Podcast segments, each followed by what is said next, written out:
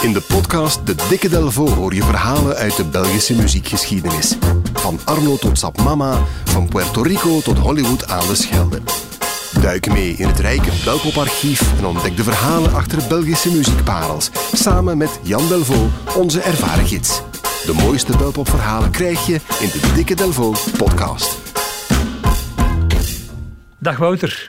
U hebt weer een nieuw verhaal bij voor ons. Wel, uh, het is altijd wel fijn als je zo wat ouder, ouder bent zoals ik, een ouder mens, dat je zo ver, vergelijkingen begint te maken tussen generaties. Ja? En het viel me eigenlijk heel veel op dat, dat Angèle, de jonge Angèle, een van de ontdekkingen Mhm. van het voorbije jaar, dat die heel veel lijkt op een zangeres uit de jaren tachtig. Dat is, eh, Ik weet wie je bedoelt. ja, ja. Ja. is, is het jou ook opgevallen? Ja. Ja, voilà. En telkens ik aan, aan die zangeres denk, dan moet ik altijd denken aan dit heerlijke zomerse nummer.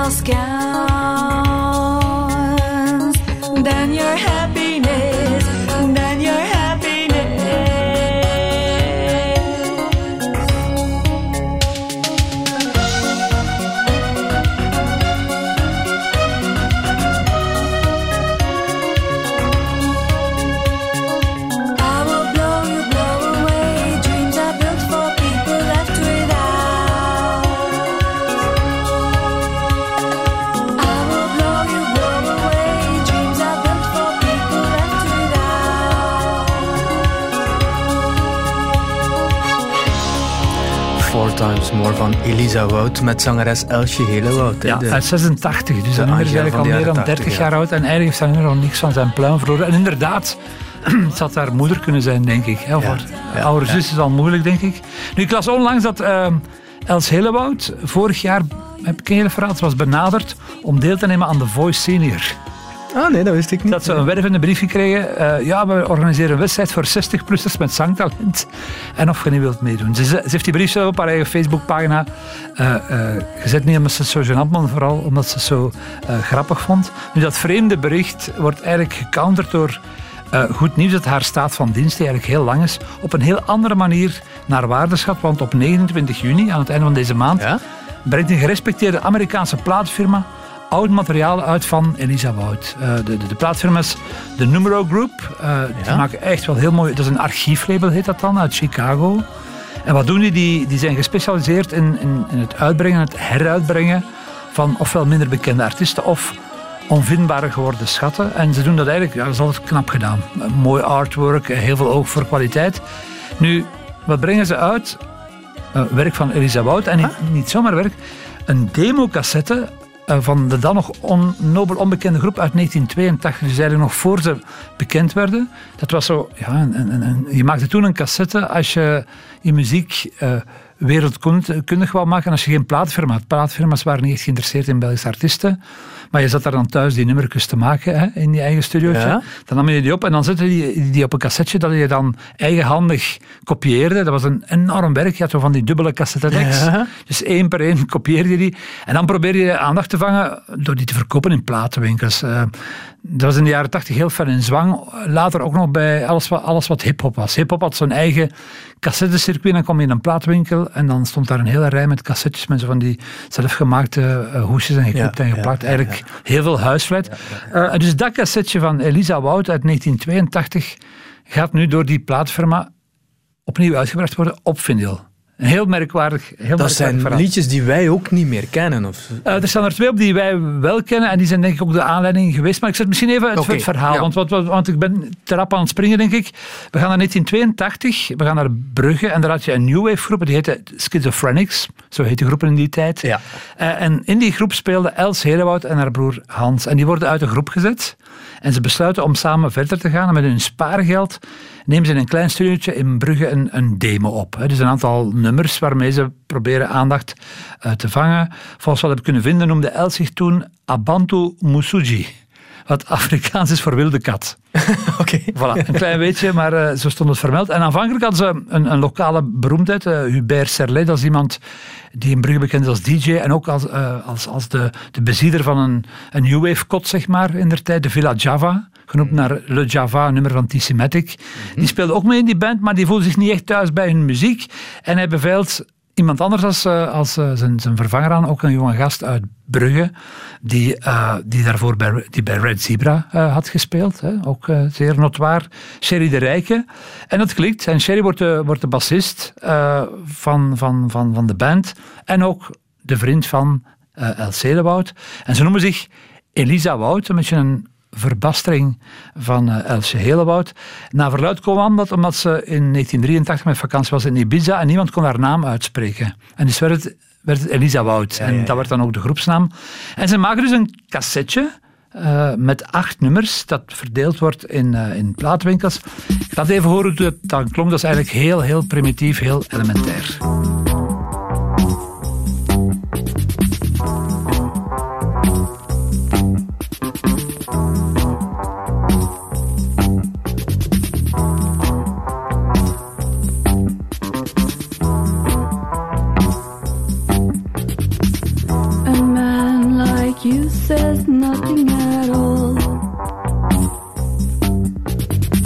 The lines align, the circles are round. No wonder I see the vision lack. A world I should see, I see not. My infancy is back. My tears are dry, my hands are wet. Summary, summary of all my dreams. Summary of all my dreams. Klinkt een beetje zoals je zou verwachten hebben Voilà, in de jaren uitsluiten. 80 een demo. Voilà. Ja, The Summary of All My Dreams. Zo een heel kaal geluid, eh, waarvan ze zelf zeiden, er zit de invloed in van Edith Piaf, van Jacques Brel, van Joy Division, de New Wave-icoon, en Marlene Dietrich. Er zit nogal heel veel weemoed in die muziek en die is er ook eigenlijk wel eh, blijven eh, inzitten. Nu, het bijzondere aan dit nummer is dat het dat staat niet vermeld op de hoes. Dat is eigenlijk zo'n hidden track, een cadeautje voor mensen die aandachtig luisteren. Dat was nummer 8. En dat is dan elk, een, aantal jaren eh, geleden heruitgebracht op een compilatie die heet Underground Belgian Wave, volume 2. Dat is ja, een, een verzamelreeks van Lieven de Ridder. Een man die zo ja, heel diep en heel ver graaft in de jaren 80. Dat cassetje gaat ook rond, wordt ook naar de media gestuurd, hè, naar de radio. En iemand pikt het op en begint het te draaien. En dat is, wie zou het kunnen geweest in de jaren 80? Iconisch. Hij is net met pensioen. Op deze zender Luc Jansen. Luc Jansen. Ja, Luc Jansen had toen een, eh, een programma op zaterdagavond tussen tien en half twaalf was het, denk ik. Waarin hij allerhande nieuwe muziek eh, speelde. Het was een heel eh, invloedrijk programma. Misschien dat er niet heel veel mensen luisteren, maar iedereen die er naar luisterde, kocht die plaat ook. Het was eigenlijk zo'n soort eh, club eigenlijk van mensen die eh, heel fanatiek bezig waren met nieuwe en vernieuwende eh, muziek. Uh, voilà, dus er komt aandacht en, en Sherry, dus de bassist, beslist om de groep in te schrijven voor Humos Rock'n'Roll in 1984. En ze doen mee en ze doen het eigenlijk heel goed. Meer nog, ze winnen die editie ook. Ze worden de nummer 1 van 1984. Zeer tegen hun eigen eh, verwachting in, eh, want ze wilden eigenlijk al naar huis vertrekken. Ze waren eigenlijk al vertrokken. En Sherry zei van nee, nee, we gaan even wachten. En toen bleek dus dat ze eh, gewonnen hadden. En een jaar later brengen ze bij een grote plaatfirma een eerste mini-album uit. Dat werd geproduceerd door Dirk Blanchard, bekend van Looney Twist en ook onder eigen naam. En er komen twee nummers over van de cassette. Unraad, een nummer deelt in het Duits, en Russia. En Russia is eigenlijk de sleutel naar het verhaal van nu. Want Russia is een nummer dat met de jaren een soort van wereldwijde cultstatus heeft gekregen. Heel bijzonder. Dat is ook een heel mooi nummer. Het verschijnt in, in 2006, dat al bijna 15 jaar geleden, stond het op een Amerikaanse eh, verzamelaar, een verzamelalbum. een paar jaar geleden is het nog eens opnieuw heruitgebracht. Dus dat is eigenlijk blijven roleren. En ik denk dat dat ook de reden is waarom het nu na 37 jaar in Amerika op uh, vinyl is beland, denk ik, want ik weet het zelf ook niet. Dus dacht ik van, misschien moeten we eens een nieuwsoortige uh, dingen Mhm. daarvoor maken. En het gewoon eens vragen, hoe, is, hoe kan een nummer uh, op een cassetje uit 1982 hè, in Brugge, hoe belandt dat 37 jaar later op een vinylplaat in Chicago? Dat is een goed idee. Laat ons eens bellen met, met Elsje Helewoud zelf, Jan. Hallo. Goedemiddag, Elsje Helewoud. Ja. Ja, Elsje, we hebben net het uh, verhaal gehoord over, over uh, jullie eerste cassette-demo die gaat uitgegeven worden op vinyl in Amerika. Maar hoe komt zo'n cassetje nu daar terecht? Dat is toch wel heel bijzonder, hè? Ja, dat is leuk. dat is heel leuk. Uh, we weten dat, dat die democassette heeft altijd al een beetje zijn eigen leven geleid. Zo'n beetje in, in, een, in een cultcircuit. Zeker het nummer Russia. Uh, we hebben op een bepaald moment zelfs een keer gehad dat een Amerikaanse balletdanseres dat gehoord had via een Griekse vriend. En zij wilde daar dan op dansen. Op, op de bekende fotograaf uh, haar video Irish Brush, die dan later ook onze uh, foto's genomen heeft voor de hoes van de laatste CD Portraits and Landscapes. Dus wij wisten dat het al zo'n beetje rondcirculeerde. En dan had er al een, een, nummer op een compilatie eens gestaan. En zo af en toe kregen we wel een keer de vraag van iemand: uh, mogen wij daar iets mee doen? En, uh, en dan moet je weten dat wij ja, de originele banden daarvan absoluut niet meer hebben, want dat is van het gezegende jaar 82. Mm -hmm. En, uh, en wij hadden hier nog persoonlijk twee cassettes die Sherry zelf nog gemaakt heeft en de hoesjes uitgesneden. En ik denk dat er daar 250 van gemaakt zijn, één ja. voor één opgenomen door Sherry.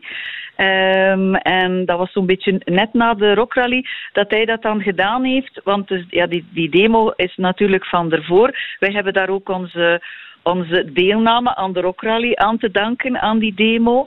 Uh, mm-hmm. Ja, ik heb die ooit gemaakt met mijn broer. Uh, mijn broer had de muziek gemaakt. Ik ging dan iedere dag gaan werken naar Brussel op dat moment. En dan schreef ik mijn teksten op de trein met mijn Walkman. En, uh, en dan heb ik een, studio gehuurd. Uh, en met mijn centjes van, uh, van dat ik dan verdiende, heb ik dat opgenomen. Maar wij hadden daar niet echt plannen mee. En dat is dan ja, later dan door Sherry opgepikt. En, en zo de rockrally. Dus dat, dat is eigenlijk het embryo van, van wat er dan later gevolgd is. En het is nu wel heel leuk dat dat dan de cirkel weer rond is. En dat het terug begint met het, met het, uh, met het hele begin. En uh, ja, vorig jaar heeft, uh, heeft die uh, meneer Ken Shipley van de Numero Group ons gecontacteerd. Maar ja, we kregen zo dikwijls van die mailtjes en wij geven daar nooit niet te veel aandacht aan. Maar we hadden er toch beleefd weg op geantwoord van ja, we hebben hier uh, nog twee cassettes liggen, uh, we kunnen die opsturen. En uh, die wist zelfs niet, die man, op dat moment dat dat meer dan één nummer was. Want hij had alleen Summary of All My Dreams gehoord in een club in New York van een vriend. En die had gezegd, ah, dat, dat, dat zoek ik voor, voor uh, echt de 80s klank en zeker van de Belgische muziek. Ik heb dat nog tekort in mijn catalogus. En dan heeft hij ons gecontacteerd. Maar ik zei, ja, er zijn eigenlijk acht nummers op. En vooral het, het, voor ons het bekendste nummer uit die periode, Russia. En ja, dan is het zo heel verder gegroeid dat hij daar van alles mee wil doen. Blijkbaar, dus wij zijn zelf heel benieuwd wat dat hij ermee gaat doen als dat nu eh, gaat uitkomen. En het is, het, het is de originele foto op, het, op de hoes van het vinyl met, eh met Sherry's handschrift, eh, zoals op de cassettes. Dus dat is ook wel leuk. Dus, Het is echt eh, wel een heel ja. chic label. Els. De Numero Group is een van de beste Ja. archieflabels Ja. ter wereld. Dat is echt... eh, Ja. Dat is, dat is waar en daar waren wij, ik moet zeggen, totaal niet van bewust. En, eh, het, en, en toen ik het ook aan mijn, aan mijn broer eh, Hans zei, zo van... Oh ja, ja, waarom niet? Eh, Dat ligt daar toch maar in de lade. Het is maar toen dat hij ook beginnen kijken is, dat hij zei, ja, maar weet je wel welk label dat, dat is? En, en ja, dan, dan eh, waren wij ja, ook heel aangenaam verrast natuurlijk. eh, Ja, want het is 37 ja, dat- jaar oud en, en het is eigenlijk Ja, primitief opgenomen, maar daardoor ook super charmant. Want bij, bij Rush heb je zelfs twee verschillende versies en de meeste fans willen die eerste oerversie van dat cassetje nog altijd is hebben. Is, die, is die klank voor jou nog, want ondertussen heb je natuurlijk een hele evolutie doorgemaakt, is die klank voor jou nog oké? Of is dat eigenlijk zoiets als een, een oud poëziealbum lezen? Ja, nee, toch wel. Allee, het, is, het is zo puur. En als ik dat hoor, ja, dan zie ik mijzelf als, als 21-jarige eh, rondlopen of 20-jarige op dat moment. Eh, ja, dat, dat geeft voor mij een enorme herinnering ook. Ik, ik zie nog alles voor me, hoe dat we dat opnamen, dat we daar absoluut geen ambitie bij hadden.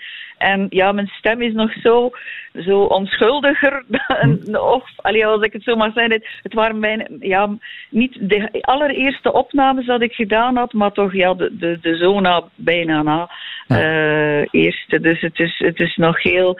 ehm, ja, embryo. We zeggen altijd het embryo, zeggen Ja. wij altijd. Ja, ja, ja. heb, je de perstekst al gelezen, die ze, of de tekst die ze hebben bijgeschreven in Amerika en Chicago? Nee, dat heb ik nog niet. Ja, dat ik zal- ik, is- Ja, het is, ik zal even maar. kort samenvatten. Het is zo eh, Sovjet, Ja. Sovjet paranoia, zeggen ze. Isolation, eh, suicidal musings and other bouts of young adult depression in fresh and English. A minimal wave Ja. masterpiece. En dat klopt ook wel, denk ik. Ja. ja, dat is, dat is leuk. Maar zij, zij zitten dus helemaal in de richting van Joy Division, hè. Die, die, die periode Bauhaus, al die groepen Ja, die, van dat moment. Dus Ja. eh, ja. Het is ook gewoon leuk dat, dat, het, eh, ja, dat het op die manier toch inderdaad verder leeft. En niet alleen dat cassetje in onze kast, die zo mooi recht staat, naast nog een autootje van de Humo die we toen gekregen hadden, zo'n matchbox. En dat staat daar zo naast. En, eh, en nu ben eens, ja, is dat cassetje naar Amerika geweest en weer terug. En, eh, want eh, ja, het was letterlijk het, het laatste en eentje die, die stuk was. Dus eh, ja, Elsje Helewoud, heel erg bedankt om ons daar een beetje uitleg Ja. bij te geven. ja, heel graag gedaan. En ik wens je nog, nog heel veel succes en, en veel plezier Ja. in, in alles wat je nog doet. Hè. Ja, merci.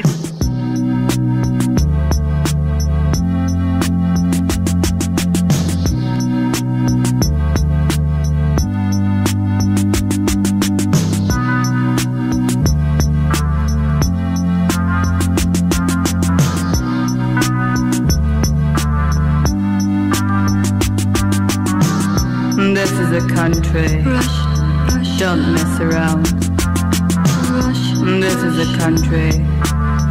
There's always danger. Take no risks. Stay close to me.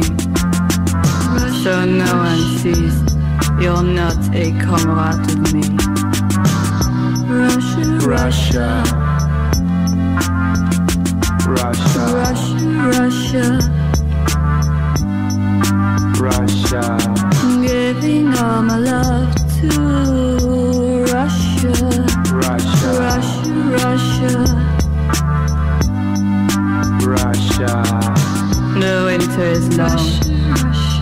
But no way it's cold. The life that's given, we serve the Lord. Is the blood, pray in sin.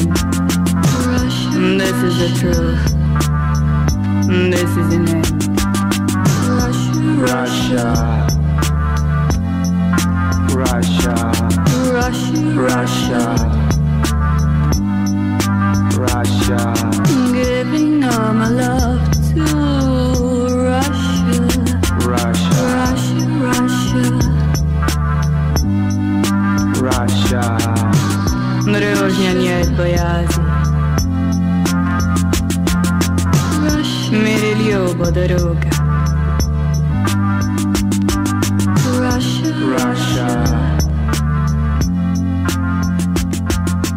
Russia, Russia,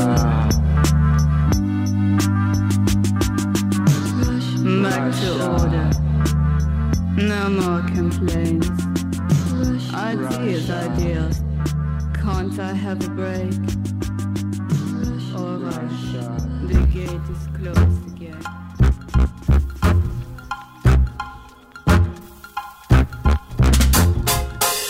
zeker ook de andere Belpop-verhalen in een volgende aflevering van de Dikke Delvo.